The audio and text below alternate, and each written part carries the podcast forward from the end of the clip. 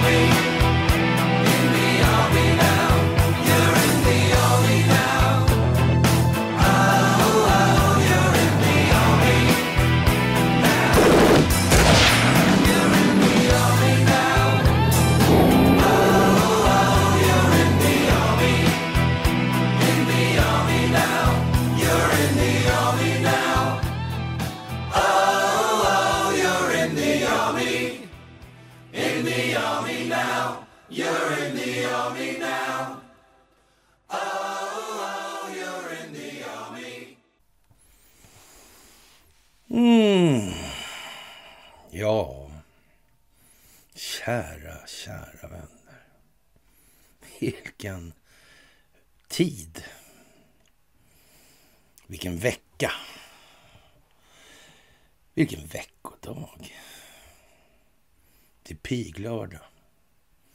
Ja. Händelserna. De är dramatiska.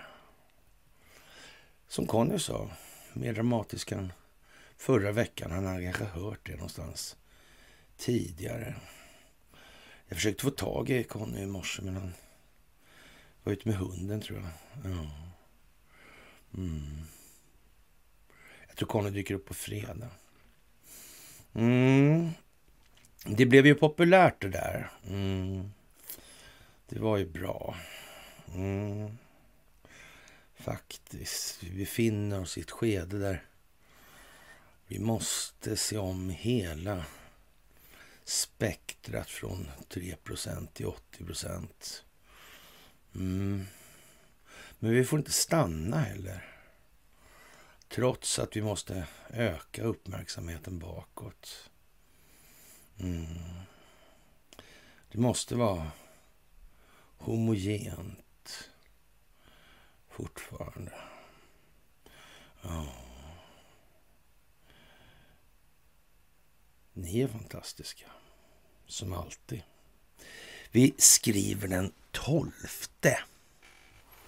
juli 2023 och då är det dags för ett onsdagsmys. Ja, det krymper, det krymper, det krymper, det krymper. Handlingsfriheten är helt inskränkt för den djupa staten. De är fast i sina gamla kulisser. De är fast i de här falska teoribyggen om att det här systemet ens med Guds bästa vilja i världen skulle kunna fungera rent mekaniskt. Långsiktigt hållbart för samhällets utveckling. Nej, det går inte. Det går inte. Folk börjar förstå att det är något riktigt, riktigt lurt med det här. Alltså. Och om ekonomin är en av faktorerna i det moderna kriget, då kan man nästan tänka sig att ja, pengarna spelar en roll, ja. Mm. Speciellt kanske om pengarna har använts som verktyg för att gynna enskilda nyttomaximeringsintressen med genom sin egen existens, alltså rent funktionsmässigt. Så förfärligt, så falskt, så... Ja... Amerikanerna är ju mycket inne på det där att 1913, och för all del alltså, för all del. Det, det är en del av sanningen så, men den här historien är ju lite äldre som bekant. Ja, mm, gamla, gamla figurer dyker upp alltså. Mm. Individer. Ja, ja. Händelser. Visioner, tankar, känslor. Ja, det där är värt att fundera på. De här gamla... Den här äh, Sven Hedin har vi pratat om. Kanske han var en sån som var på jakt efter... Inte vet jag. Teknologier kanske. Från forntida civilisationer, ja. Just ja. ja. Hur var det egentligen med Birkeland? Ja, det gäller att kunna förstå sig på den här typen av teknologier om man hittar dem också. Då måste man kanske kunna något. Det kan ju vara så alltså. För Birkeland verkar ha varit väldigt tidigt ute med det här med atomkraften. Det verkar han ha varit. Ja. Och många har gått in i glömskans mörker. Mm, den här äh, Herbert Lickfett. Mm. Norsk Hydro. Borsutredningen, not 52 av Olsson. Där. Ja ja, man blir ju lite snå, nästan tårögd när det kommer såna här... Ja, det kommer ju som i skov nu alltihopa det här. Verkligen alltså. Ja. Fantastiskt. Det verkar vara mycket som kommer tillbaka som vi inte vill liksom släppa riktigt. Som det talar om den här båten Titanic som aldrig ger sig med sina propellrar och ja, bryggvingar och allt vad det är liksom. Ja, konstiga grejer. Federal Reserve. Bildandet av Fed som amerikanerna är ute efter. Det skulle i alla fall kunna ha lite bäring på det där med den där båten. Skulle kunna vara så. Många amerikaner hävdar det nu att det var hela den avgörande grejen. Men det är ju sällan det som alla vet. Mm. Det blir ju inte bara en grej utan man, man ser till att ta en hel skock och sen kommer de här som försöker luska i det här. De kommer träta med varandra om vad som var den verkliga orsaken istället utan att lägga en enda sekunds tanke på att nej men vänta nu här. Ja. Så planerar man bort de enkelspåriga. Mm. Enron-affären. Ah. Black Eagle Trust Fund. Mm. Building 7. Mm. Kriget mot terrorismen. Mm. Kan någon ha tänkt? Kan någon ha planerat? Kanske man har sett det från andra hållet och ändå har man låtit det ske. Eller kanske det ändå varit den minsta möjliga skadorna i form av collateral damage kanske.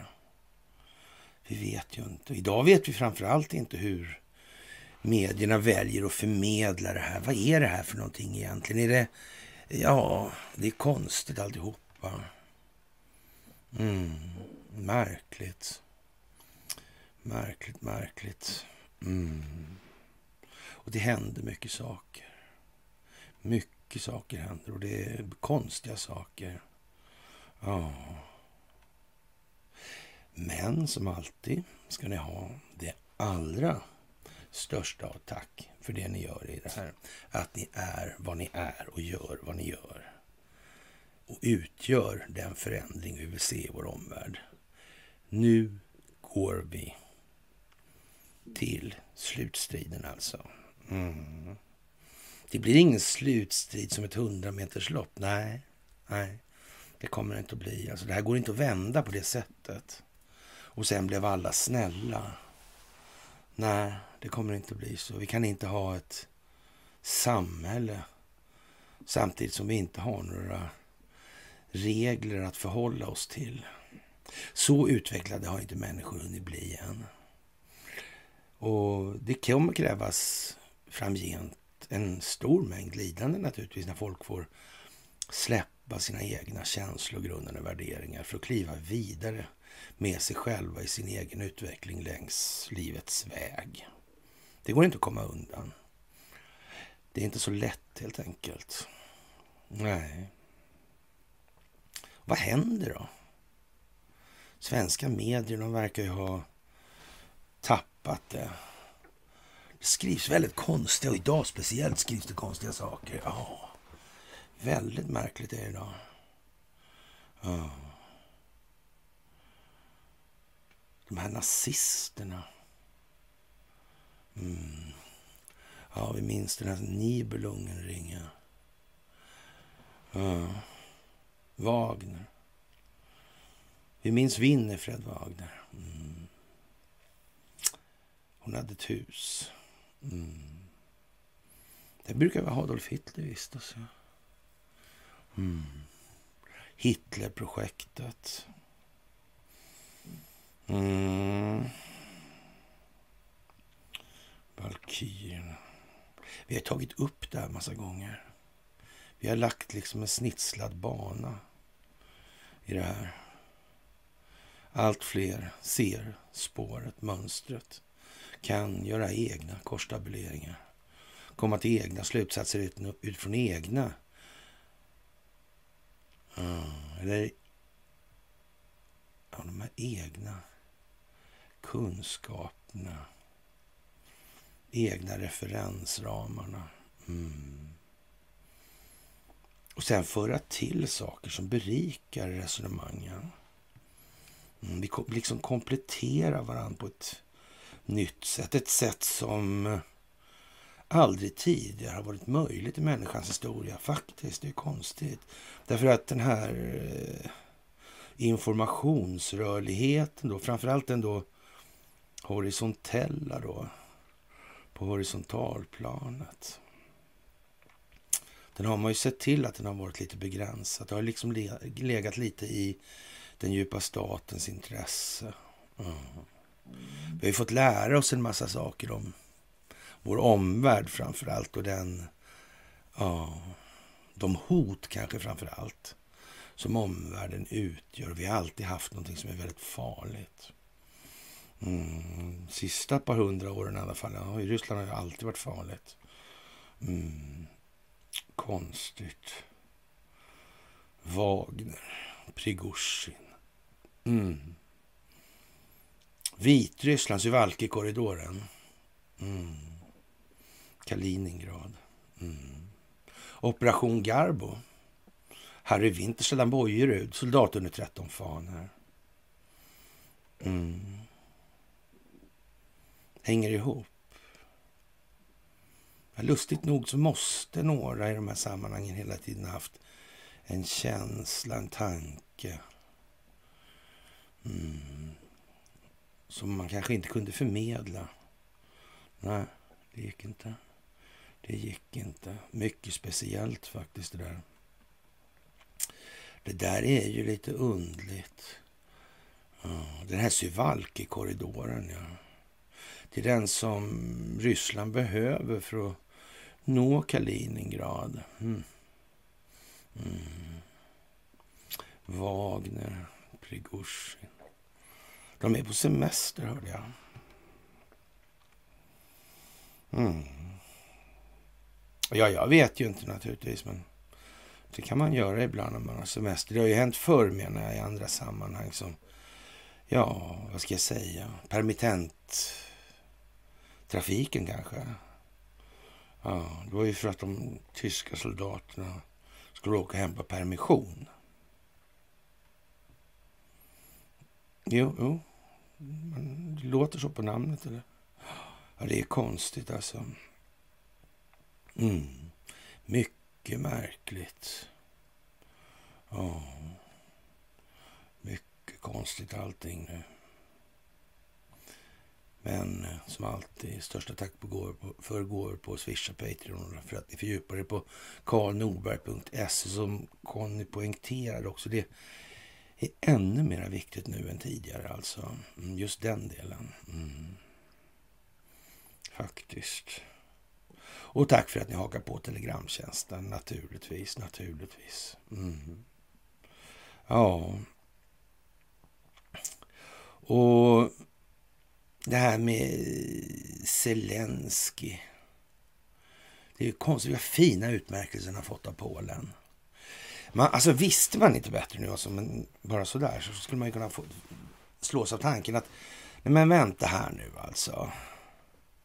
Är det inte det här någonting som faller i linje med de här, vad ska man säga, nationalromantiska strömningarna i Polen? Lite grann om återupprättandet av Ah, den polska stormakten där på 1600-talet.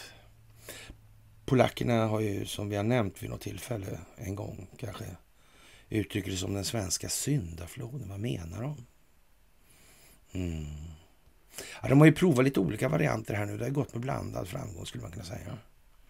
Det kan man nog säga, ja. Konstigt alltså. Ja.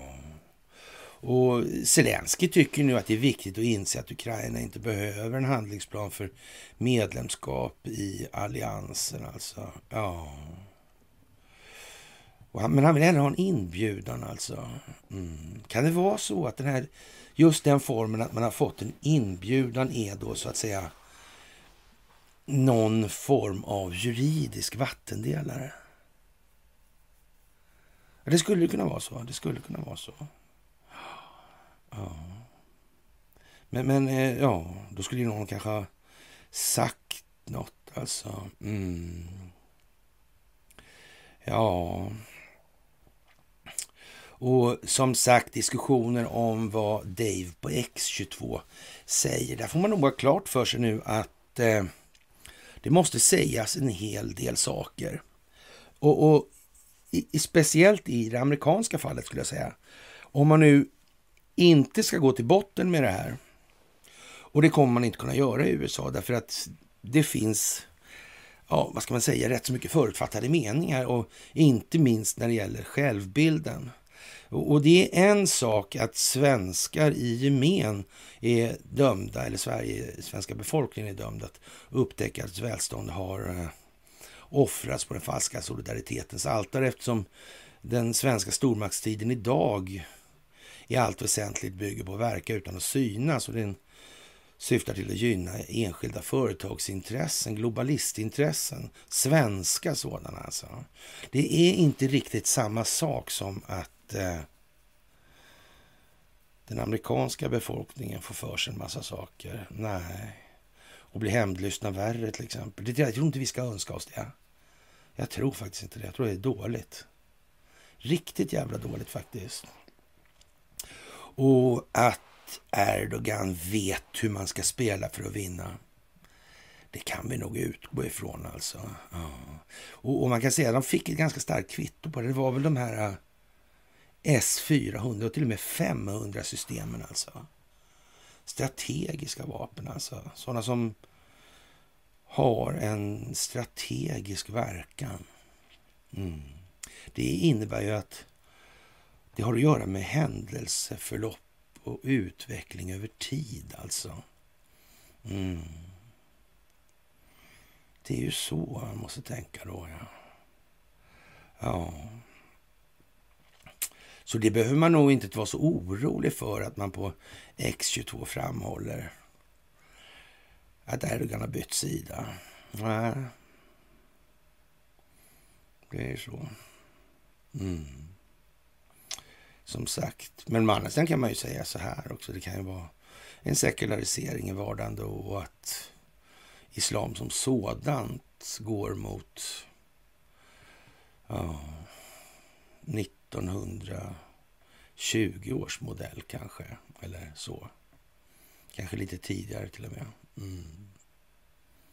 Så, för vilka var det som skapade den här sunnisekteristiska extremismen? Mm. Ja, det var ju det alltså. Ja, och Ukraina är nu närmare NATO än någonsin tidigare alltså. Och vi måste se till att tillförlitliga mekanismer finns på plats för att säkerställa säkerheten i Ukraina efter konfliktens slut. Alltså. Och Stoltenberg ser fram emot dagen vi möts som allierade. Mm. Det behöver ju inte vara osant. Eh, frågan blir lite mer av hur ser vägen dit ut? Vad har det för utseende? Vad är det för terräng egentligen? Terrängförhållanden, väder och vind. Mm. Ja, fundamenta i alla fall. Eh, rätt tid, rätt plats, rätt utrustning i militära sammanhang. Ja. Mm. Det ska man väga mot det här, vad tur är för någonting. När eh, tillfälligheter mm. kommer till förberedelser. Mm. Ja, det där är ju märkligt. Faktiskt. Och jag kan inte låta bli att undra, skriver man i Aftonbladet. Var är Prigozjin någonstans? Ja, var är Prigozjin? Det kan man ju fråga sig. Och, och semestrar han på Gotland och, och ställer sig frågor var Wagner är någonstans. Som är på semester. Kanske mest i Vitryssland. Mm. Ja, ja, Kaliningrad, ja. Mm. För myten gör ju gällande, i alla fall eller den gängse teoribildningen, att ungefär som Hultqvist gör i det här klippet när jag och Marcus pratar med honom på Almedalen, att alla förstår ju liksom det strategiska, eller den strategiska betydelsen av Gotland. Mm. Det, alltså den sagan behöver man väl kanske inte bryta så mycket. Man kanske kan använda den istället. Mm. Ja. Men nu har man i alla fall gjort klart att Wagner, om man vill så har man ju fått ett erbjudande. Alltså då får man komma med i den reguljära verksamheten där. Ja. Mm. Men Wagner finns ju kvar ändå på något märkligt vis. Vad är Prigozjin? Frågar Aftonbladet. Ja. ja. Jag kan inte låta bli att undra, vad är Prigozjin alltså? Tänk att dö och komma tillbaka som en person utan neurotiska sidor. En varelse som sällan går runt och undrar hur saker går ihop. Saker som inte rör mig, och som jag inte har någon aning eller som jag inte har någon anledning att oroa mig för. Min oro för långsökta problem står i vägen för mina faktiska problem. Och jag lär inte nå fram till dem innan jag dör. Eh, kanske lika bra det i och för sig. Jag semestrar i detta nu på Gotland och när jag befinner mig i ett annat land så drabbas jag av intryck som föder och göder nya funderingar. Mm. Kanske värt att tänka på. Funderingar som den, den om hur länge vattnet ska räcka här. Eh, Joakim säger att det inte bildas så mycket nytt vatten. Och sen sa han något om att gotlänningarna eh, får en stor del stor mängd sommarvatten från ett träsk som heter Tingstäde. Ett träsk som vi passerade eh, precis efter att vi sett tre lösa lamm på vägen. Och vem ska samla in dem? Och hur mycket får man för ett lamm när man säljer i delar? Hur går köttproduktionen någonsin ihop ekonomiskt? Mm. Hur kan man hålla ett djur vid liv i flera månader och sen anlita slaktare och distribuera bitarna och ändå hamna på svarta siffror? Och, och smaka förresten, där, vad smakar det här vattnet? Eh, träsk eller hur är det? Ja. Det är inte mina problem, men ändå så ockuperar de all min tankemark medan vi far norrut mot Bergman och den där färjan som jag inte vet vad ja, hur ska vi få plats på den där? Och tänk om eh, vi kommer över men inte tillbaka. Tänk om det finns två eller flera kaptener som kör en färja. Tänk att det finns det, alltså, som fram och tillbaka mellan Fårö och Fårösund utan att någonsin tröttna. Tänk att det här, de här kaptenerna är, är, så säkra på sin sak att det inte finns någon slags hopp i landkalle ens. Alltså, färjan låter bara duns. Och sen, sen litar alla människor i alla bilar på att nu ligger vi säkert kant i kant och jag är tacksam över vår plats nummer två alltså. Så att vi kan bromsa om familjen framför oss försvinner i en glipa och skriker som slaktlamm. Logistik. Hur saker fungerar och hur allting går runt. Jag befinner mig vid randen av att inte stå ut. Mycket i världen, det mesta faktiskt, är inte mitt problem att lösa. Särskilt inte komplicerad utrikespolitik. Nej, och ändå. Jag kan inte låta bli att undra. Vad är Wagners styrka? Mm. Ja, det som har tagit eh, gått till det reguljära, de är ju där det reguljära finns. Ja. Men Wagners styrka, vad är den? Ja, den är ju Vitryssland, det vet vi ju. Och där finns den här Suvalki-korridoren som leder till Kaliningrad. Just det, ja. Ja, det gör den ju. Mm. Ja, vad är Prigozjin någonstans? Jag behöver inte veta om han lever eller om Moskva har dödat honom fullständigt till döds. Ja, det där var väl en märklig mening ändå. Ja. Vidare så tänker jag väldigt lite på vems sida Wagnergruppen står på. Mm. Vad har de för planer? Om det är en välsignelse eller förbannelse för Vitryssland givet att det är där de upprätthåller sig. Om de äter upp sig på en pizzeria och tar Moskva en annan dag. Mm. Istället mal hjärnan i det got, den gotländska eh, vindsolen. Var förvarar man 25 000 man? Mm. 25 000 man som behöver mat. Som behöver gå på toaletten. Som ska aktiveras för att de inte ska förlora moralen alldeles. 25 000 män som behöver uttag för att ladda sina biltelefoner, tvätta sina kalsonger, vaska sina ryska armhålor. Det är sommar, det är jul, jag är ledig. Vi befinner oss på Sveriges märkesö. Med, med min kropp bröt jag en våg vid Suderstrand. Och när havet suger mig till ett hål så fyllde jag det med en tunn pizza med våta, tunga kronärtskockor. Jag har det bra. Men när jag lutar mig tillbaka mot bilens nackstöd, varm och vindpinad i ansiktet och shortsen uppknäppta, så har jag bara en tanke i huvudet. Var sover Wagnergruppen när det blir natt? Ja, det kan man fråga sig. Verkligen nu. Mm. Tänk alltså. Mm. Sveriges beredskap är god, sa Per Albin Hansson en gång i tiden. Han ljög som en hästtravare. Per Albins demagogi groggy vals, skrev Karl Gerhard. Mm. Ja, jag vet inte. Eller gör jag det kanske? Ja. Och enligt honom själv då, eh, enligt en eh, Madame Anastasia Fedorov, Fedorov där så är han på semester till och med 5 augusti.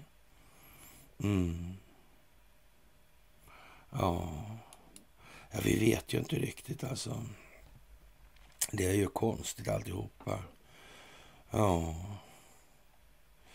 Mycket märkligt, mycket märkligt alltså. Och det är många som funderar på det här alltså. Konstigt. Mycket verkligt. Och folk undrar om olika figurer då. En Bodanov och en Selushny. Var är de någonstans? Ja, det kan man fråga sig. Mm. Ja. Det där är mycket anmärkningsvärt. Det är bra att det här tar sig nu, för nu är det dags att börja tänka lite här ordentligt. Mm. Ja. Och vi skickar ammunition till Ukraina. Mm. Hur ska ammunitionen få sig att explodera över det man vill attackera? Alltså?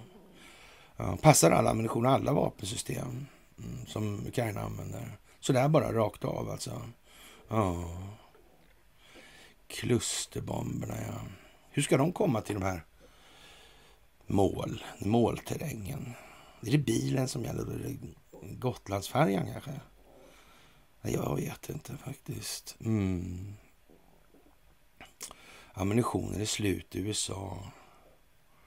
Ja, konstigt. Slut på många håll. Känns som en extrem avrustningskampanj helt enkelt. Demilitariseringsinsats. Väldigt, väldigt märkligt alltså. Ja. Mm. Ja. Konstigt alltså. En herr Fegreus han tycker så här, åh helvete, jag trodde jag hade stark ADHD med min tankeverksamhet, men den här texten tog det till en helt annan nivå alltså. Däremot jag undrar hur, hur tankegången att först kalla det ett annat land, ja Gotland då. Mm. Hur var det med Gotland? Har det kanske varit ryskt tidigare någon gång? Vad sa, vad sa han då? Eh, Vladimir Putin, vad sa han? Han sa någonting om Peter den store, var det inte så?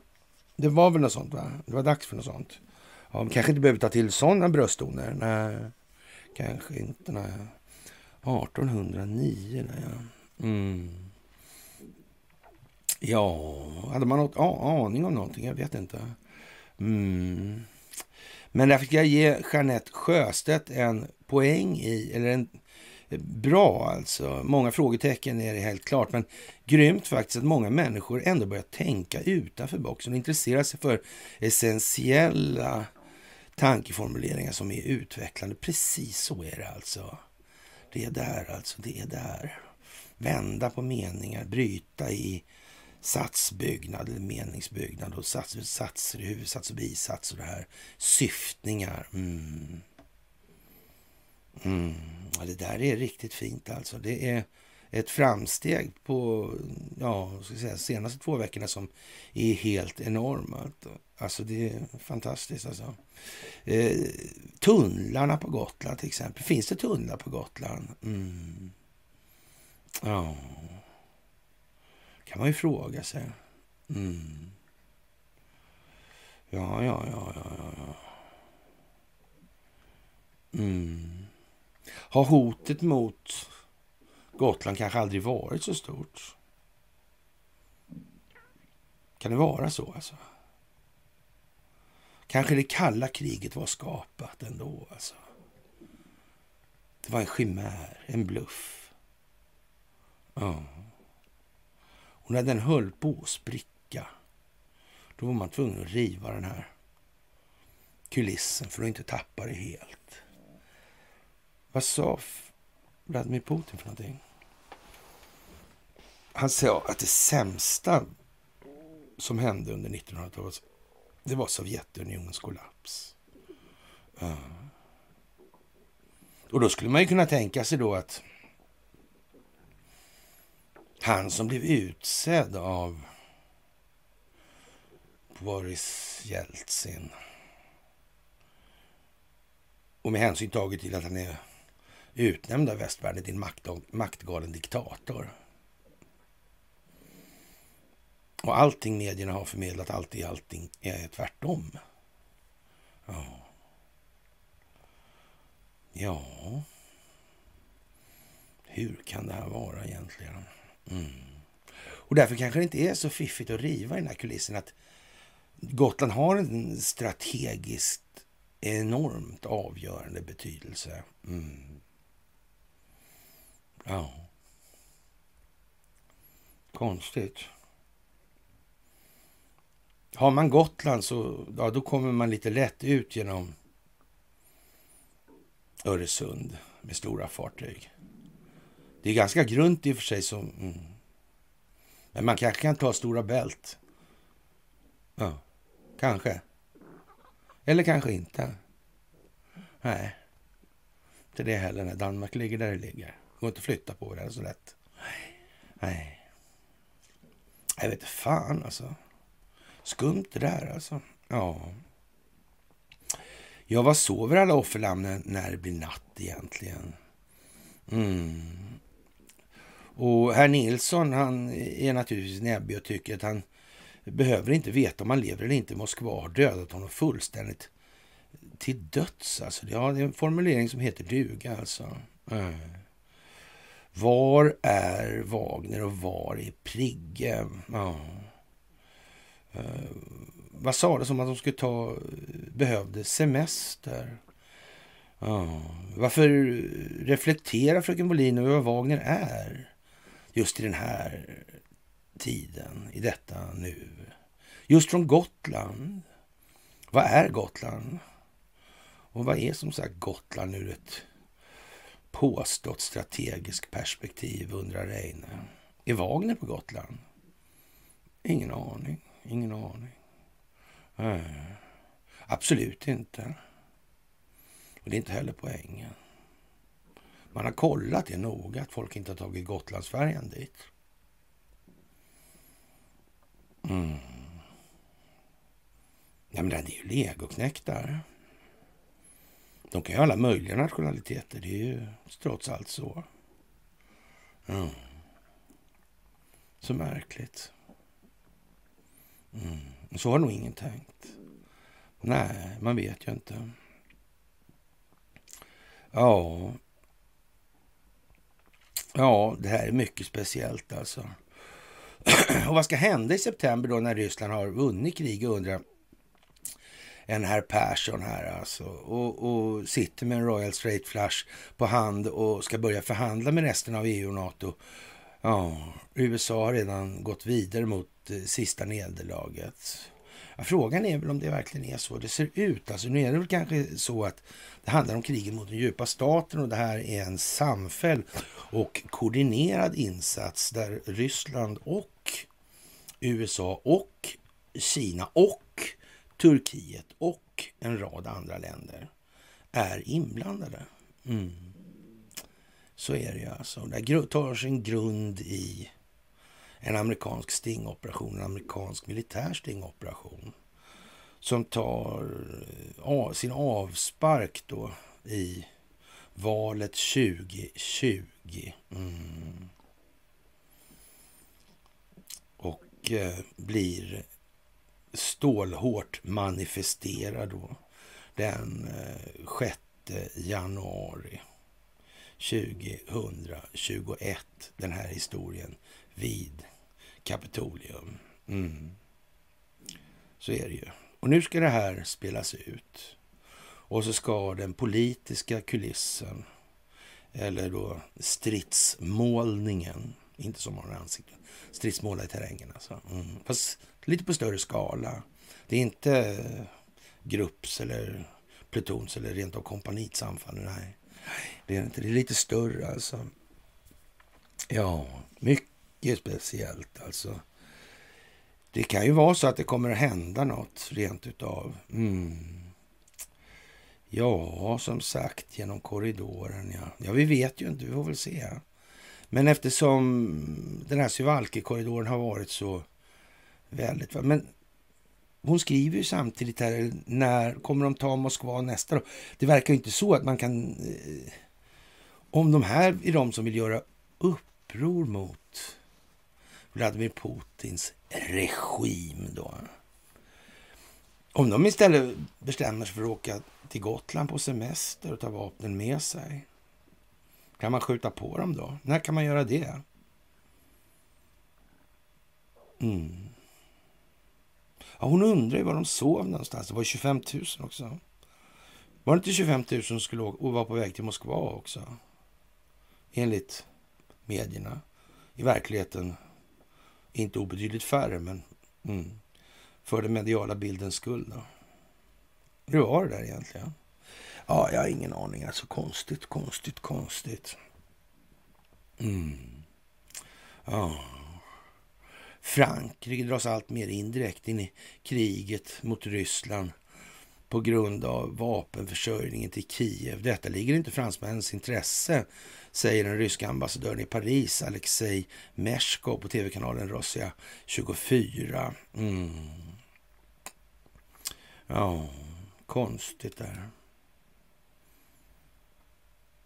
Men hur blir det egentligen om Turkiet kommer med i EU?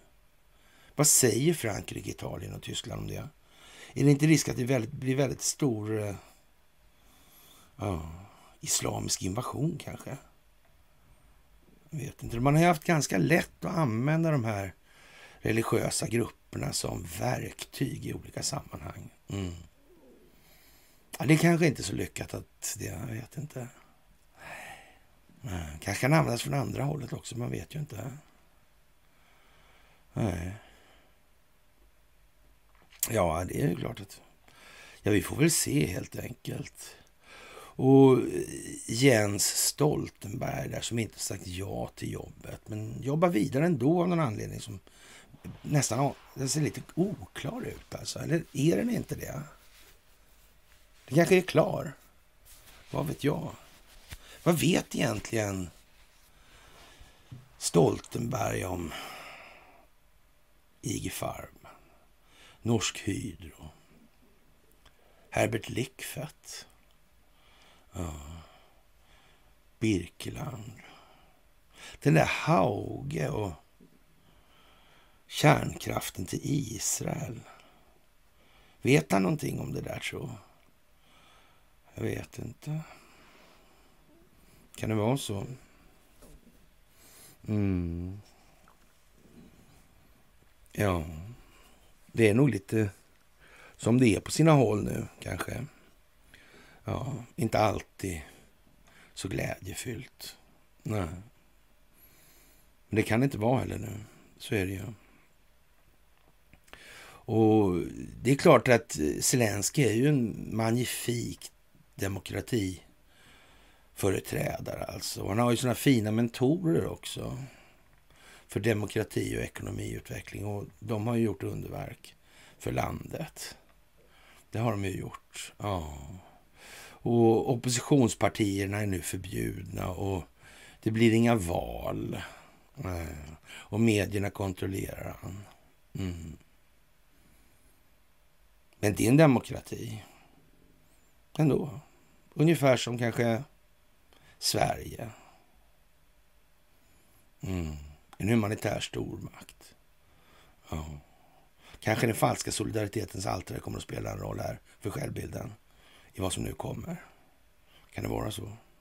Jag tror det faktiskt. Jag tror Stellan Bojerud får rätt. Men jag tror inte att han behöver bli besviken i sin himmel. Jag tror det blir exakt som han vill. Faktiskt. Det tror jag. Ja. Det är speciellt värre alltså. Mm. Det måste jag säga. Stackars Jens, vad ont har han gjort alltså. Och de här historiska vingslagen, de kommer ju att slå tillbaka nu ordentligt. Och ja, Drömmaren, en bok om Sven Hedin. Mm. I den tecknar professor Nils Uddenberg på drygt 500 sidor ett mångfacetterat porträtt, porträtt av upptäcktsresande forskaren, författaren och ledamoten i Svenska Akademin Sven Hedin, alltså 1865 52 och 1952. Hedin hörde under sin tid till de allra mesta kända, mest kända svenska akademikerna med beundrare i många länder. Hans rykte banade väg för hedersdoktorat vid framstående universitet som Cambridge och München och Heidelberg. Och samtidigt kritiserade han kritiserades han skarpt i svensk press på grund av sina politiska ställningstaganden. Ja, och nu visar det sig att han har fått en massa gator uppkallade eftersom nu riskerar de här gatorna alltså att byta namn. Mm. Han hade ju ett institut också inom ramen för det här himlerska Anne Nerbe-projektet som gick ut på fantasifull utveckling av vapen alltså. Mm. Kan man tänka sig så här? Kan kan ha varit så här, alltså, säg inte det. Att eh,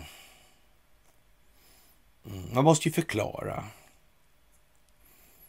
Var kom du på det här för liksom? Mm. Men samtidigt så vill man ju inte förklara att man vet det. Får man ta det i delar. Men då måste säga. Kanske ser osnyggt ut om de intressena som tjänar på att man inte publicerar det sitter på en massa böcker som visar att man kunde göra så här istället. Liksom. Alla tjänar på det. Kanske inte så... Man försöka dölja det där på något vis kanske. Jag vet inte, antigravitation eller kärnkraft eller... Ja, you name it alltså. Mm. Kan det vara så? Ja, det kan det vara. Faktiskt alltså. Nationalist på villovägar heter ett kapitel där. Ja. Och, och Hedins goda förbindelser med ledande politiker i Nazityskland, däribland Adolf Hitler och Hermann Göring. Och ska säga att Himmler var alltså den som eh, ja, stod för det här Nerve-projektet. Det var Himmler som var inblandad i förhandlingarna med Wallenberg med att avsätta Hitler till och med. Mm. Ja, via den här eh, Hewitt från amerikanska Swedish Match och så den här massören som Himmler hade också. Just ja, så var det ja. Ja, ja. Mm. ja, man vet ju inte vem som egentligen bestämde här alltså. Faktiskt alltså. Och det är väl dokumenterat att Hedin stöttade Nazityskland i olika sammanhang. Hedin som skrev borggårdstalet åt Gustav V. Tänk vad han omsåg kring sig där ändå. Ja. Väldigt märkligt alltså. Det verkar som han förstod lite om att den politiska kulissen hade två vingar, en vänstervinge och en högervinge. Oh. Medan realpolitiken Det var inte ens en fågel. Nej. Nej. Märkligt. Ja, konstigt. Ja, och han var talare vid olympiska spelen i Berlin 36 alltså. Ja, han var medlem i den pronazistiska riksföreningen. Han var ja, speciell. Alltså, han och Lickfett eh, kanske kände varandra, jag vet inte. Han var väl eh, ordförande för Svenska bergsingenjörsföreningen. Var han inte? Och Svensk-tyska föreningen också. Ja, Bergsingenjörsföreningen kanske det var, också. Ja. ja, ja. Konstigt. Och så var han ju då naturligtvis rätt så kopplad till IG-Farben. Va? Och så var han kopplad till Norsk Hydro, var han inte det? Jo, han var styrelseordförande där. Kanske, norrmännen kanske känner till... Har, kanske norrmännen har någon handling. Kanske amerikanska underrättelsetjänster har kommit i besittning av de här handlingarna för länge sedan. Mm. Kanske det, kanske. Ja, man vet ju inte. Då blir det oerhört svårt att förklara allt det här. Eller hur? Ja. Det skulle räcka med att man hade tillgång till, ja, geografiskt sett, alltså nära till, ja, vad ska vi säga, något arkiv kanske med gamla tidningar, skulle jag säga. Samtida press skulle vara en bra grej. För där blir det ju en glidning i informationsförmedlingen för att passa de för dagen gällande syftena.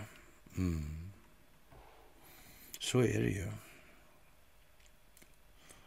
Ja, just det. Hade de inte tittat på det där förresten någonstans och lagt det på något ställe? Mm. Ja, vi kan väl säga så här, det är inte så långt från Ljungaverk det har hamnat i alla fall. Så kan vi säga. Det, det kan man... Så. Ja. ja, det var ju konstigt allt det här. Hörni. Jag vet inte.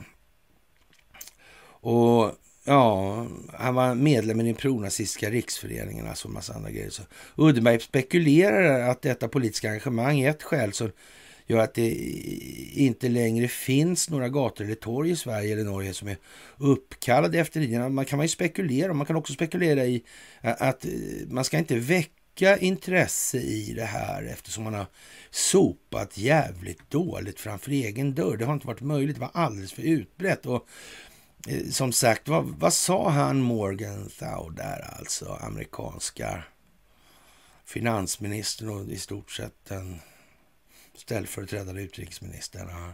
Vad sa han? Räddades mer av det kalla krigets uppgång än av sin egen förbättrade... Men det var väl något sånt, va? Ungefär. Hans departement var ju inte så där jätte... Och de skulle man inte ta så mycket till det nominella värdet på vad de gav uttryck för, alltså deras ord.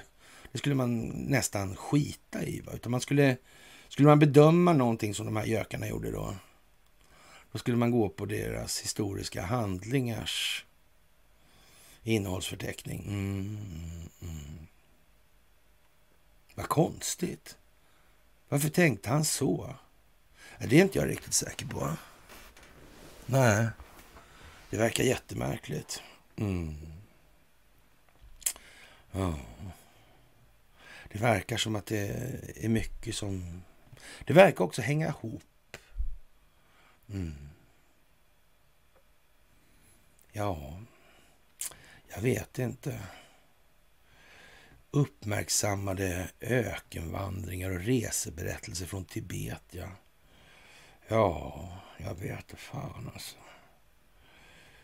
Mm. Det där är ju lite sådär... Uh, uh. Han hade ju då liksom... Uh, Liknande diskussioner är som bekant också omskrivna i Sverige. En tidigare vetenskapshistorisk bok av Nils Uddenberg handlar om anatomen och rasforskaren Gustav Retzius, alltså skallmätaren, alltså Gustav Retzius, hyllad och hatad. Ja, och vi, har, vi har snackat om det här med Retzius och Montelius och eh, ja, Herman Lundborg. Och, fast vi brukar hålla oss till det här med ja, vad heter man? Hageman, va? Mm, det rena landet, den står där bakom någonstans. Mm. Det är märkligt det där. Och det enda Lundborg i princip gjorde, va? Det var väl eh, ja, resa upp i övre Norrland och gänga lappkärringar. Ja. Han hade väl tusen barn på byn den där. Nej, men inte riktigt. Men mm. Vetenskapliga studier. Ja, jag vet inte. Det verkar inte så seriöst det där alltså. Ja, och eh, hyllad och hatad som sagt var. Karolinska institutet eh, gjorde eh, efter en utredning att bland annat eh, rättssalen vid Campus Solna fick byta namn där. Ja. Argumentet var att rättshus hör till dem som gett uttryck, eller givit uttryck för rasism och nedlåtande, förminskande beteende eller värderingar gentemot olika folkgrupper inom och utom Sverige. Tänk det här konstigt med folkgrupper alltså. Mm, det finns inte människor bara beteenden. Människor existerar framförallt inte bara som individer utan de är någon form av kollektiv massa. Ja, de kan visserligen bara uppleva sina egna känslor individuellt och inget annat. Men det finns ändå en form av kollektiv indelning i det här som gör att man har nytta av att indela dem på något vis, anser någon tydligen tidigare i historien i vart fall. Frågan är, hur är det med den saken egentligen? Mm. Ja, det är konstigt. Ja, nu allt fler gator och institutioner med belastande namn får nya. I Düsseldorf till exempel då. Och det är politiska skäl. Ja, konstigt. Kaiser Wilhelm-institutet, ja. Eller äh, universitetet. Mm. Ja, på grund av Wilhelm andres samröre med kolonialism och militarism. Kaiser Wilhelm-institutet. Hade inte de en institution för rasbiologi som förestod, förestods av en Ernst Rudin? Jo, det hade de. Han skrev det national... Lustigt nog alltså. Så skrev han det nazistiska rasbiologiska manifestet. Mm. Det gjorde han grundat på en konferens. Ja. Hermans Eugenics Congress. 16 till 23 augusti 1932. Mm, 1932, ja. Mm. Men det här rasmanifestet och det gjorde sig gällande på Kaiser Wilhelm-institutet 33, alltså när Hitler hade kommit till makten. Men det verkar nästan lite förberett ändå, tycker ni inte det? Ja, Harriman, ja. Avril Harriman, ja. Mm. Hade han någonting med järnvägar att göra den där? Hade han någonting med, jag vet inte, Silesian Steel Incorporated kanske? Silesien där, ja. Kol och stål. Kol och stål. Kol och koks. Tyska naturaleveranskommittén. Järnmalm. Clearinghouses. Vem var chef för den verksamheten? Jag har ingen aning.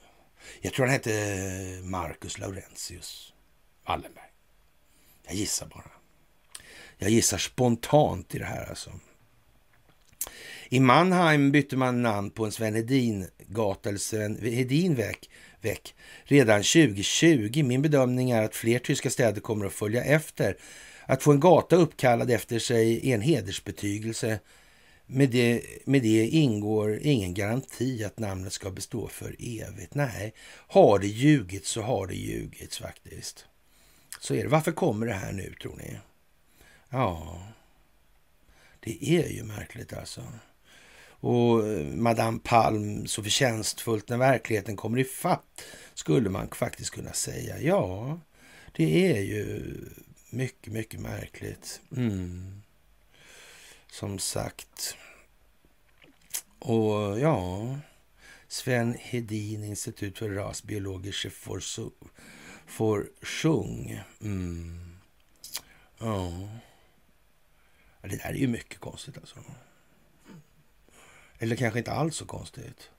Det verkar mest vara som att när informationen börjar röra sig så här. Då blir det ju inte bara så, utan det blir så också. Det blir en väldigt stor yta på en gång nästan, när det börjar röra på sig. Då blir det oerhört svårt att försöka styra det här uppifrån. Mm. Historien har ju redan skett. Mm. Har människor börjat kommunicera på horisontalplanet, ja, då blir det ju oerhört svårt att bromsa korsstabileringsutvecklingen. Det är ju så. Det går liksom inte att göra. Det är ogörligt. Ja, faktiskt. Och det här med NATO och Zelensky. Vad är Zelensky för någon figur egentligen? Ja. Han har fått en fin utmärkelse av polackerna. där. Den finaste polska utmärkelsen, lustigt nog. Mm. Man hör hur det klingar. Ja, lite Sigismundmaning nästan här nu, va? Mm. Ja, det är ju så. Och ja, herr Persson tycker här är en buskis som får Eva Rydberg och Nils Poppe att eh, se gravallvarliga och seriösa ut helt enkelt. Och det kan man väl nästan säga. Mm. En en och en halv meter lång lirare i, i Woollypully och eh, ja. Det verkar väldigt konstigt tycker jag. Ja. Mm. Ja, Rysslands hot efter NATO-beskedet. Nödvändiga åtgärder kommer att vidtas, tar Aftonbladet upp. Och det handlar om Sergej Lavrov. Rysslands hot efter NATO-beskedet, nödvändiga åtgärder kommer att vidtas. Vladimir Putin har hotat med en upptrappning om NATO expanderar. Efter Turkiets besked kommer Kreml med en ny varning till Sverige och Finland. Nödvändiga åtgärder, åtgärder kommer att vidtas, säger Rysslands utrikesminister Sergej Lavrov. Ja. Tänk nu om det skulle vara så som den här bilden visar. Mm.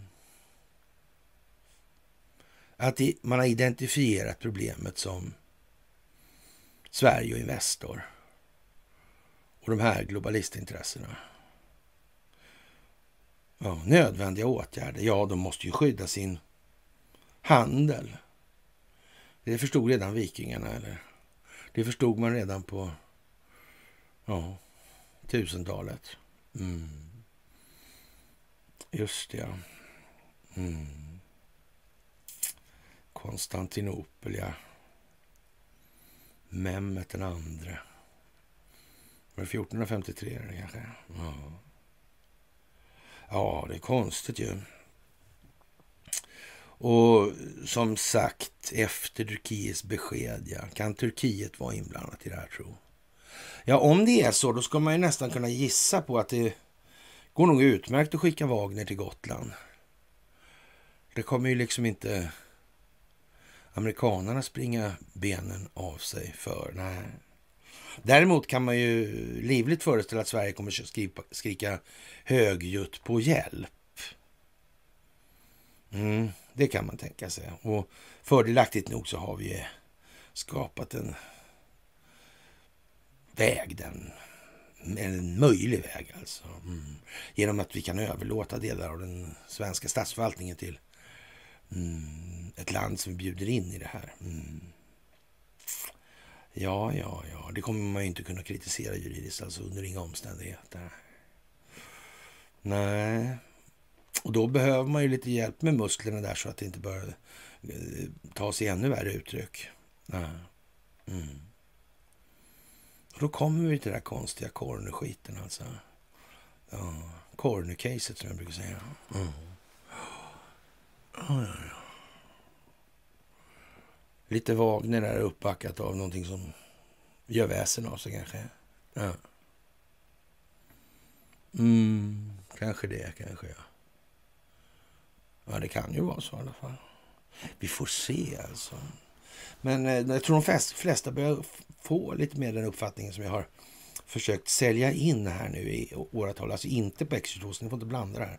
För det, det är liksom, och det är därför har vi hållit där. För det, ja, är det så att de hade identifierat det här som kärnan, så då, då måste naturligtvis spelet föras därefter också. Ja. Men, men eh, att det slår in här via USA, det, ju, blir ju uppenbart. Så, att säga, men det, det initialt då, så att säga, så kommer det här, eller initieras via Ukraina. Kan det vara därför vi har de här tre fina? Jag vet inte, kan någon ha tänkt på det där överhuvudtaget? Det där med att utse Carl Bildt till premiärminister som Senjuk tyckte. Han verkar lite överdrivet nästan, eller? Ja, det man anar nästan att det fan, alltså lite överspel som... Ja, det är inte så diskret i alla fall, det tror jag inte. Nej, Nej faktiskt alltså. Ja, Rysslands president Vladimir Putin har alltså tidigare hotat med motåtgärder om NATO-styrkor och militär infrastruktur från försvarsalliansen placeras i Sverige och Finland. Då måste Ryssland skapa samma hot för de territorium från vilka hotet, hot mot oss skapas, sa Putin om de nordiska ländernas NATO-anslutning i fjol. Mm. Efter Turkiets beslut att acceptera Sveriges NATO-ansökan kommer Ryssland, ut- Rysslands utrikesminister Sergej Lavrov med liknande hot. Alltså de nödvändiga åtgärderna kommer att vidtas. Vi vet vad de här åtgärderna bör vara och hur de ska omsättas i praktiken, säger Lavrov enligt ryska statskontrollerade nyhetsbyrån TASS. Då. Det är vid en presskonferens med Omans toppdiplomat Said Badr bin Hamad bin Hamoud al-Busaidi på tisdagen som Lavrov lovar att alla Rysslands legitima säkerhetsintressen kommer att skyddas. Vi kommer definitivt att dra våra slutsatser beroende på hur snabbt och omfattande NATO kommer att använda Finlands och Sveriges territorium. Det råder ingen tvekan om att detta kommer att göras eftersom både Helsingfors och Stockholm redan diskuterar en mängd olika frågor med USA som rör till exempel utplaceringen av alliansens infrastruktur precis vid den ryska gränsen till Finland och mycket nära vår gräns mot Sverige. I och med inträdet i NATO kan Sverige och Finland glömma de fördelar Lavrov menar att länderna har haft i Ryssland när det kommer till samarbeten som bland annat rör handel, ekonomi eller investeringar, menar han då. Eh, alla nationella intressen hos de finska och svenska staterna offrades för behovet av att ena väst i kampen mot, i detta speciella fall, Ryssland, säger han. Det var förvånande hur snabbt både Finland och Sverige gav upp sin neutrala status och de fördelar detta gav dem under decennier, vilket eh, säkerställde deras relativt oberoende roll såväl som deras rykte och auktoritet både i Europa och på den internationella scenen. Ja, det där är ju lite speciellt får man väl nästan säga. För det, är det verkligen rimligt att tro att Sergej Lavrov tror att det är de här nationella intressena som bestämmer? Att de liksom har missat det här med Investor och familjen Wallenberg och de här globalistintressena och deras ja, geopolitiska roll. Mm. Ja, kineserna verkar ju inte ha missat det helt. De kanske har tipsat ryssarna om att det kan vara så. De kanske har tipsat om de här eh, globalister, kolonialväldesintressena, det där som var i förra artikeln där med Kaiser Wilhelm-institutet och så vidare. Det kan ju vara så. Lite. Nej, jag tror det är rätt mycket faktiskt. Så. Nej, ni får ursäkta mig, jag tror det. Det kan ju vara lite fräckt av mig sådär, men ja. Jag tror det alltså. Ja, speciellt alltså. Och i USA, vad ska vi säga? Den djupa staten försöker dölja allt vad de gör. Det fungerar inget bra alls numera. Det går helt åt helvete direkt. Alla ser vad som händer. Mm. Det är liksom ett, som ett showcase bara, allting. Det är speciellt. Mycket, mycket speciellt. Ja, det är inte bara frågan om förräderi eller penningtvätt. Det är frågan om allt. Och allmänheten ser allt. Ja. Vad ser befolkningen?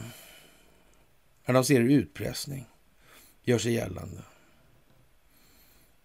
pedofilhärvorna är liksom en utpressningsbusiness i grund och botten. Ja. Konstigt alltså. Konstigt är det att maktkåta människor håller på så. Behöver man vara kärnfysiker för att räkna ut det eller? Nej, det behöver man inte. Man kan väl säga så här, om vi ser till männen då. Så, de som fick sätta på alla snygga brudar redan tidigare. Ja, de är i alla fall löper en betydligt mindre risk än. Mm. Det blir ju någon form av uh, undertryckt dominansbehov där. Mm. Ja, det är speciellt det där, får man säga. Det groteska pedofilnätverket och förräderi.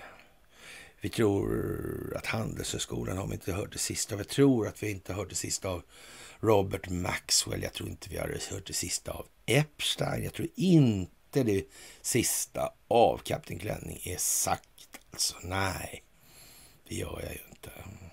Hur kom det sig att man ens tillät Epstein Enbom? Alltså det, de är nu på den nivån att man undrar ändå alltså. Ja. Men visst. Med en farsa på Riksrevisionen så faller inte äpplet särskilt långt från träet där heller. Alltså. Äh.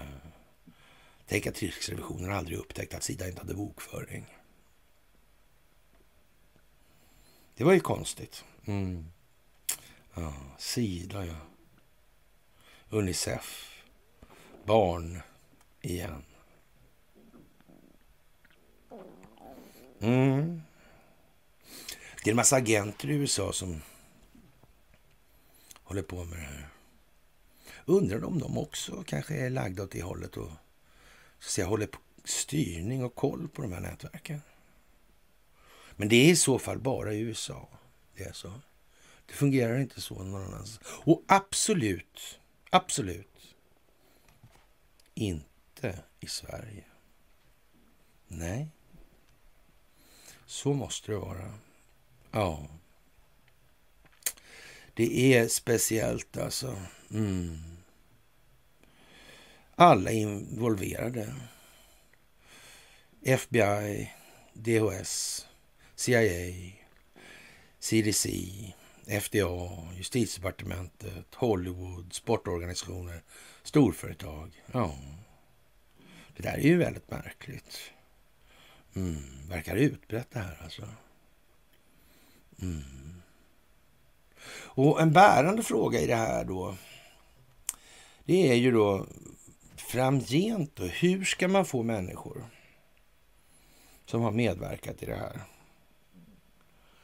att själva agera på ett sätt som verkar avhållande för omvärlden på deras eget beteende. Eller från deras eget beteende tidigare. Och det får ju naturligtvis varje individ förklara själv i så fall. Ja, annars så att säga, har man ingen idé om hur man skulle göra och så med vad man själv har ställt till med, ja, då sitter man nog vackert där man sitter. Mm. Så är det ju. Mm. Ja, det är mycket, mycket speciellt ur många perspektiv nu. Alltså det är allt vi har levt och eller allt vi har upplevt och så vidare som ställs på en spets som, ja, den visar sig inte vara gjord av stål direkt. Nej, det är ju så. Och Vita huset vet ju att, eller säger att Secret Service inte kan avslöja vem som har tagit in kokainet där. Nej. Världens mest välbevakade byggnad alltså. Mm. De har förmodligen fler säkerhetssystem än vad det bor människor i Säffle kanske, eller? Räcker det? Det måste vara något större ändå? Ja, ja, ja. Mm. Jaha, och nu vill eh, man ha då i kongressen alltså eh, information om hur kommer det här sig? Vad, vad är det för konstigt förhållande alltså? Ja. Mm. Och det verkar ju bara bli värre det här alltså. Mm. Och den amerikanska befolkningen börjar till allt större del eller i större omfattning förstå att då Bidens, Obama och en rad andra högt uppsatta och involverade i, i det här eh, håller på med barn, alltså barnsex trafficking. Det är ju konstigt alltså. Ja, ja jag vet inte. Väldigt konstigt alltså. Och Sound of Freedom alltså. Mm. Ja, det är ju speciellt helt enkelt. Och eh, vad, det kommer ju liksom att trava på här nu. Mm. Och jag vet faktiskt inte riktigt hur människor, det går inte att veta riktigt så här, hur, hur människor kommer ta det här. Rätt många människor kommer tycka att det här är liksom helvete, helvete, helvete, helvete alltså. Mm. Så är det ju också. Mm. Ja, faktiskt. Det här med barnen är ju en sån sak som, det är ju liksom samhällets framtid. Mm. Det är ju det. Så viktigt är det. Samma dag vi inte väljer att tänka främst på barnen så slutar vi tänka på vår egen framtid också. Då kan vi lika bra lägga oss ner och dö alltså.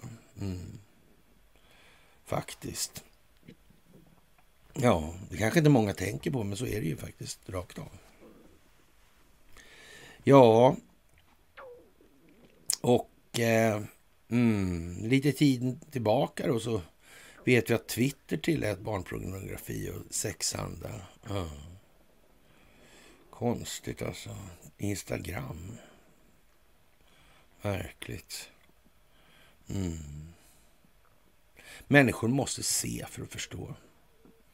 Det går inte att bara säga. Nej. Och Stoltenberg vill ju att naturligtvis vi ska sända en invitation till Ukraina och få komma med i NATO. Alltså. Ja. ja. Vad ska vi säga? Folk måste upp på tå. Folk måste se, måste känna. Så. Mm. Och det här med Prigozjin alltså. Eh. Det var ingen kupp alltså. Det var ett sätt att lura CIA och den djupa staten i fällan. Ja. Mm.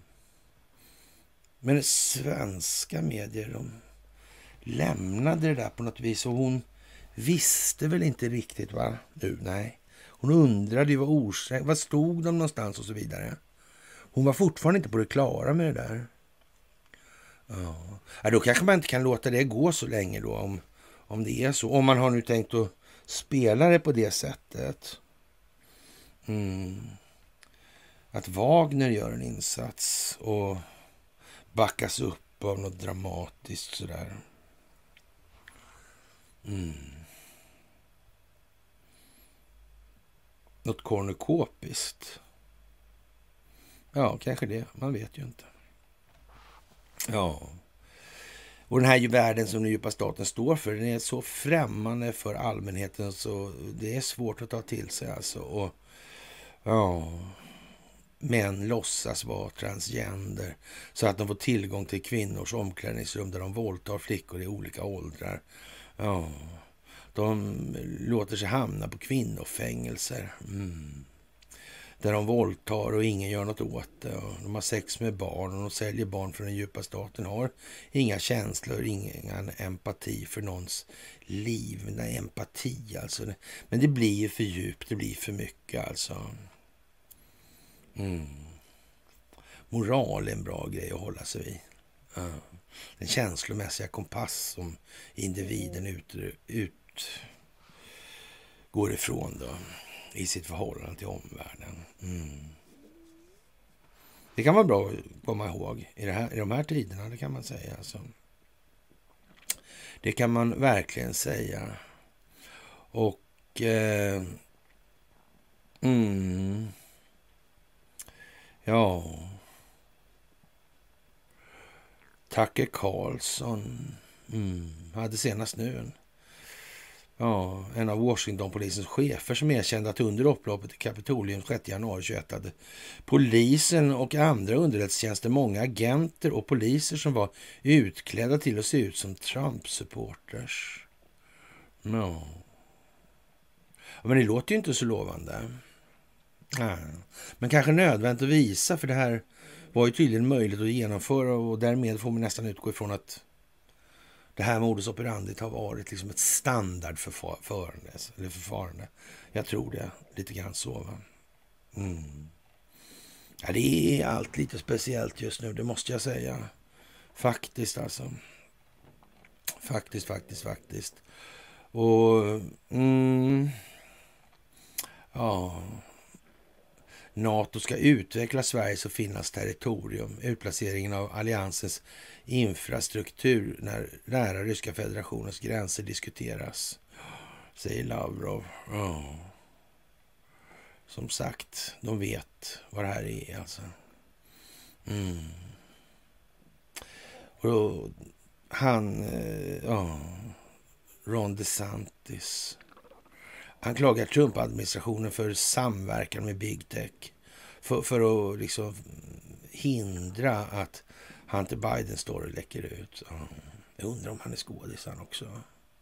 Spelar liksom dubbelt på något vis här. Han förefaller vara mycket emot alltså. Mm. Alltså den bästa oppositionen är den man kontrollerar själv. Så, så sa väl eh, Dostojevskij. Nej, det var inte det var Stalin som sa så. Eller var det Lenin till och med? Jag vet inte. Någon var det i alla fall. Någon rysk. Ja, sådär alltså. Ja, vi, ja. Ja, konstigt alltså. Amerikanska regeringen är en middleman in multi-billion dollar migrant child trafficking operation. Ja. Jaha, alla de där barnen som kommer till mexikanska gränsen. Mexikanska gränsen. Kommunikation, telekommunikation. Mm. Har Ericsson funnits i? Inte? Nej, Nej, jag vet inte. Men kanske alltså. Läckta telefonsamtal. Inte skulle väl de. Kanske blir de tvingade. Man vet ju inte. inte det samma gäng som har den där handelspedofilskolan? Vad heter den? Handels... Ja. ja, det är ju handel det också. Spelar väl ingen roll. Liksom. Vara som vara. Och Israel minsann, ja. ja. Och Israel eh, slår ner eh, en Biden Soros uppbackad Day of Disruption. 42 våldsamma vänsterupploppsmakare blev arresterade. Israel i sin nuvarande form och tappning. Det verkar vara djupa staten som har bestämt det hela tiden, säger Netanyahu. Och, och man är liksom tjuriga för att... Eh, ja, Israel är inte längre en stjärna på den amerikanska flaggan. Ja. Och USA spenderar massor med pengar för att sabotera. Mm. Det kanske blir så att det blir en enstatslösning under internationell kontroll. Mm. Det där med att ha religion som ja, minsta gemensamma nämnare eller minsta gemensamma nämnare för den konstitutionella grunden kanske vi ska säga. Verkar inte det lite svårt? Byter folk uppfattning bara sådär så hitta på något annat och försvinner hela konstitutionens... Jag vet inte, kan det vara rimligt det där? Alltså, jag tror det där med blod och jord är en fråga man måste faktiskt ta ställning till. Alltså. Ja. Sådär alltså. Och Ungern accepterar Sveriges inträde. Ja. Om Turkiet får gå med i EU, då kommer Ungern att godkänna inträdet i NATO för Sverige. Men i Turkiet säger man att om Ungern godkänner, då gör de det, det, gör det också då. Jaha. Mm. Det är ju konstigt det där alltså. Kanske Orban och Erdogan har snackat ihop sig. Kan det vara så? Ja, det vet man ju inte. Det lär vi ju bli varse alltså. Och ja... ja, de kanske aldrig har träffats, tycker Madame Eriksson. Ja, det kan ju stämma i och för sig. Jag vet ju inte sådär alltså. Ja. Och då säger någon att det stinker splittring av EU. Tänk vad konstigt. Ja, det har vi aldrig sagt något om. Men från början när vi sa det så var det ingen som lyssnade ens. Vad fan snackar han om nu liksom? Ja, jag vet inte. Som sagt, mycket speciella tider helt enkelt. Och eh, ja, det där är ju, ja, Sverige är inte det land jag växte upp i. Ja, det kan man ju vara tacksam för i och för sig. Att det håller på att förändra sig. Ja, det kan man säga faktiskt. Är, Sverige en nationalstat värd att bevara? Det är mycket tveksamt alltså om det. Men man kan säga så här, det, det finns definitivt incitament till att bygga en, en stat i alla fall. En nation kanske vi ska skita lite grann i. Utan en, eh, kanske en republik byggd på en definierad geografisk yta. Med en konstitutionell grund som innehåller maktdelningsprincipen. Ja. Där avgörande infrastruktur Mm. kontrolleras av samhället under öppna, transparenta former. Kan vi börja i den åtminstone? Mm. Det har inte varit så mycket sånt hittills på jorden överhuvudtaget.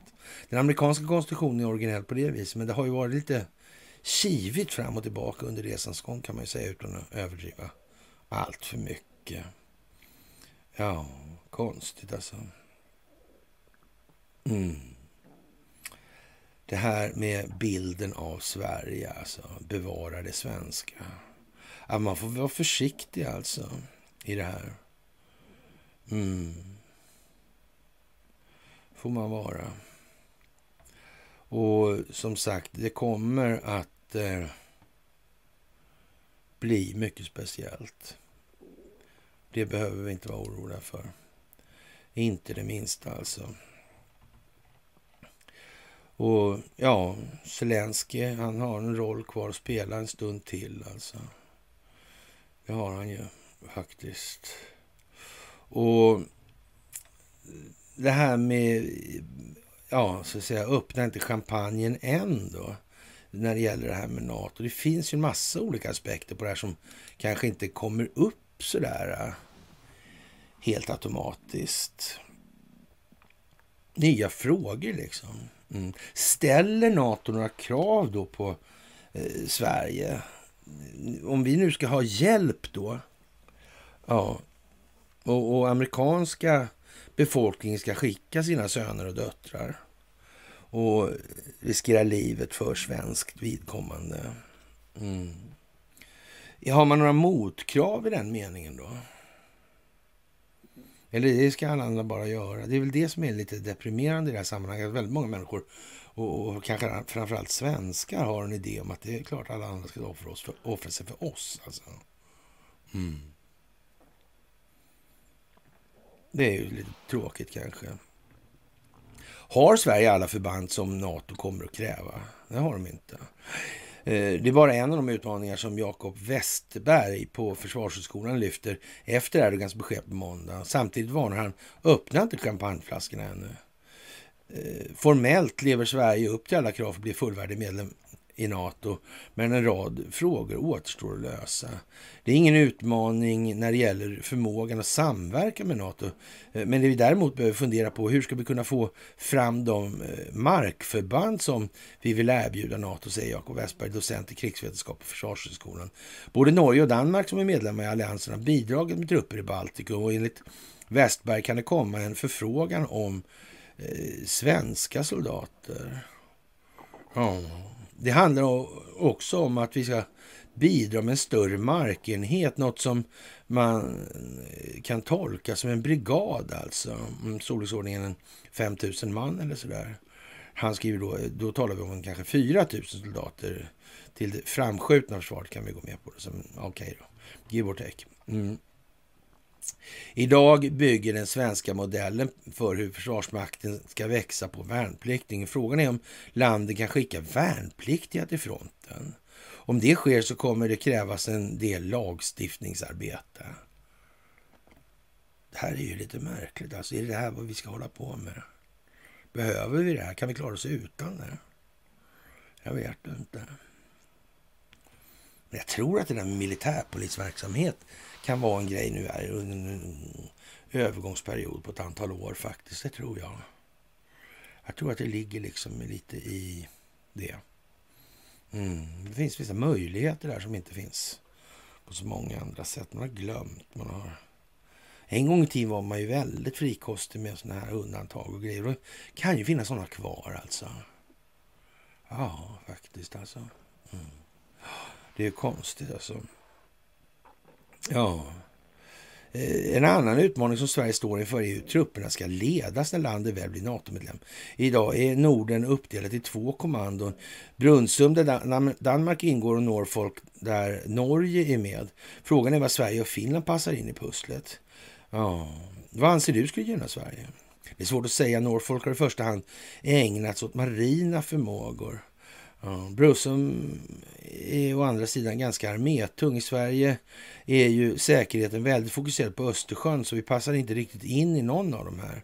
Samtidigt tror Westberg att NATOs kommando kan komma få en förändrad profil och orientering i samband med alliansens utbyggnad. Ja. Mm. Om alla länder på hela jorden går med i samma den här organisationen då? Hur blir det då? Mm. Ja, jag vet inte. Men det här bygger alltså på att eh, Vladimir Putin är maktgalen alltså. Ja. Det är ju det.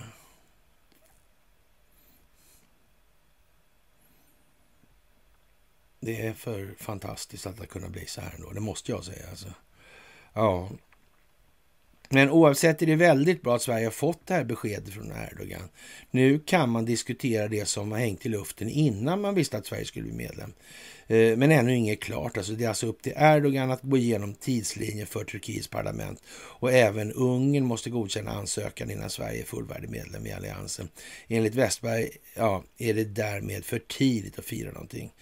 Och ja, innan eh, vi öppnar champagneflaskorna vill jag gärna se att både det turkiska och ungerska parlamentet har godkänt Sverige.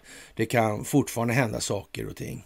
Och vi var väldigt optimistiska i maj förra året att den här processen skulle gå snabbt, men det visade sig ju att det tillstötte problem. Mm. Men som sagt, finns den djupa staten så är ju allt det där hypotetiska resonemang. Mm.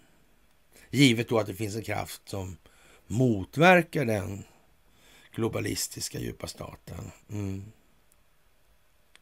Det är ju så. Det måste man kanske komma ihåg. Ja. Ja. Och man kan ju då som eh, en, eh, en Madame Eva-Lotta här undra liksom eh, vilka länder som kan tänkas gå i krig Mm, med, eller vi kan tänkas gå i krig med utan att det blir inbördeskrig samtidigt i vårt eget land. Mm. Ja, det måste man ju ha klart för sig i det här läget, alltså att eh, ett litet land som Sverige skulle ju naturligtvis behöva stänga gränsen rätt så radikalt i så fall. Alltså. Vi skulle med ganska stor sannolikhet få in en hel del annat. Alltså. Man skulle kunna säga så här att om det är så, eller för det fall att, ska jag kanske säga, och, och göra så här istället för det är mer definitivt. Alltså. Det är liksom hela handen på det viset nu att är det så att det här är planerat mm, så är de redan på insidan i Sverige nu. Så är det också. Så är det också. Mm. Hur många ukrainska flyktingar har vi tagit emot? Mm. Hur lång tid är det här planlagt? Hur många andra flyktingar finns det? Har, tror någon att man har missat det? Mm. Från den sida som motverkar den djupa staten. Tror någon det på allvar? Tror inte jag. Det tror inte jag. Nej. Och Thailands premiärminister avgår och drar sig tillbaka från politiken. Konstigt. Har de Eriksson där? Nej, det vet inte jag förresten. Nej, nej. Ja, konstigt. Mm. Ja, speciellt alltså. Mm. Udda. Och eh, Lara Trump var i Stockholm. Vad konstigt. Hon la upp någonting med Avicii och något brunnslock med Stockholm Vatten. Och, var det inte så med Stockholm Vatten? Att var någon, hade inte de någon vd eller ordförande? Annika Billström hette hon ett en sväng. Hon lånade ut pengar, Stockholms Vattens pengar. Till, till, utan säkerhet också. Där. Ja. Och så. Mm. Just det. Till sin egen son också. Just det. Och, och då kom ju den här Hulken, där, Mats Hult, va? och sa att det där får du fan inte hålla på med. Liksom. Och han, då, då utbryter hon att den är så jävla trött på de här 1932 års strukturer. Då jävlar åkte hon ur alltså. Då var det kylan. Mm. Det där, pengarna kunde de väl i och för sig leva men det där fick hon inte säga. Nej, det var konstigt. Men det var ju skitlänge sedan alltså. Det är åtminstone, ja jag vet inte hur länge det är. Det är 30 år sedan. Ja, något sånt där. Jag vet inte. Länge, länge i alla fall. Så är det ju. Och oppositionsledaren om NATO-beskedet tårta till kaffet alltså. Och nu ska man nog akta sig för alltså, att önska sig en massa saker som man inte riktigt kan analysera konsekvenserna av. Nej, det är nog bra alltså. Ja. Som sagt, det är udda alltså. Flera partiledare reagerar nu på Turkiets, Turkiets besked att landet permanent, eller landets parlament ska godkänna Sveriges NATO-ansökan så fort som möjligt. Ja, ja, vi får väl se alltså vad det här landar i. Det är i alla fall udda, det kan man säga. Det kan man säga. Nigel Farage hänger i där och tar upp, drar en lans mot bankerna och jag vet inte om vi behöver prata om bankerna och de här grejerna. Mm. Ja, ratificeringen av Sveriges NATO-medlemskap kan bli en kamp mot klockan, säger den tidigare utrikesministern Jan Eliasson, då särskilt sändebud för, eller ombud för Sverige då i Ukraina för ekonomi och demokratiutveckling. Ja, det kan bli en allvarlig fördröjning, säger han. Ja, vi får väl se vad det blir av det här. Mm. Vem kan man lita på? Ja, det här med terrorister. Ja. Att finansiera sådana som bedriver terroristverksamhet. Ja, det kanske är någonting man inte får göra eller ska göra. Eller... Ja, det vet man ju inte riktigt. Och talibanerna stoppar svensk verksamhet i Afghanistan. Alltså, Talibanstyret i Afghanistan stoppar all svensk verksamhet i landet med anledning av de koranbränningar som skett i Sverige. Det går åt helvete med eh, ja, opiumvallmon alltså. Heroinet, fan också alltså. Ja, konstigt alltså. Mm. Ja, förkastligt säger Johan Forsell, Moderaterna, bistånds och utrikeshandelsminister. Ja, det är klart att det, med över 8 000 anställda i landet.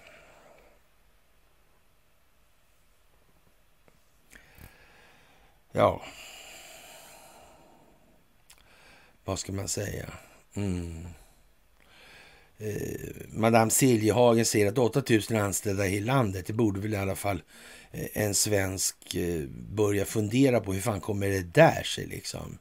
Ja, hur många jävla mer korrupta svenska organisationer finns där i, ja, in, inom då opium, trafficking och alla resurser som de stjäl alltså? Ja, 8000 alltså, det var ju ingenting. Nej, bara där alltså. Ja, det är svårt att säga alltså. Mm. Och den här polska presidenten var tvungen att läta, lägga upp det. Jag tycker det var roligt med den här polska presidenten Duda som har en bromance där med Zelensky och ger honom den fläskigaste ja, polska utnämningen. Alltså utmärkelsen tilldelas Zelensky Eh, och jag började med, jag började skriva så här, att det, det är väl ändå inte så att det finns både korruption i det gamla historiska och gamla historiska stormaktsambitioner i faggorna. Alla vet att det inte finns någon korruption i Polen och i Ukraina heller. Och, och därför så nämner man då eller utmärkelsen då, det tilldelas Zelensky som ett erkännande av hans enastående meriter i att fördjupa vänskapliga och omfattande förbindelser mellan Polen och Ukraina för att utveckla samarbete för demokratins, fredens och säkerhetens skull i Europa och hans ståndaktighet i att försvara oförytterliga mänskliga rättigheter enligt den polske presidentens hemsida. Det råder ingen tvekan om att du, herr president, du Vladimir är en, en helt exceptionellt man, sa Doda under ceremonin. Att titta på din tjänst för ditt hemland, det är svårt att dölja tårar av känslor, tillade han. Duda betonade att Zelenskis attityd i kombination med de ukrainska soldaternas heroism räddade Ukraina. Idag är du en modellledare för staten och nationen, men också en man som orubbligt upprätthåller mänskliga rättigheter, medborgerliga rättigheter, rätten till suveränitet, oberoende och självbestämmande för nationen, sades Polens president. Ja, sedan eh, Sveriges kung Karl den tionde Gustav invaderat Polen 1655 tvingades den polsa, polska Vasätten sista kung i freden vid Oliva 1660 överlämna Livland eh, delar av nuvarande Estland och Lettland till Sverige och ge upp anspråk på den svenska kronan. I öster erövrade kosacker stora delar av Ukraina. Det här är ju en gammal historia eh, som ni förstår. Och, och ja, lite lustigt ändå. Alltså skulle de där två figurerna kunna göra och vad skulle alla anhängare till Zelensky säga då? Ja, han, Duda där, han är nog fan medveten om att om Zelensky skänker bort Polen eller skänker bort Ukraina till Polen, då kan han väl få en medalj till. Eller fem, eller whatever liksom. Ja.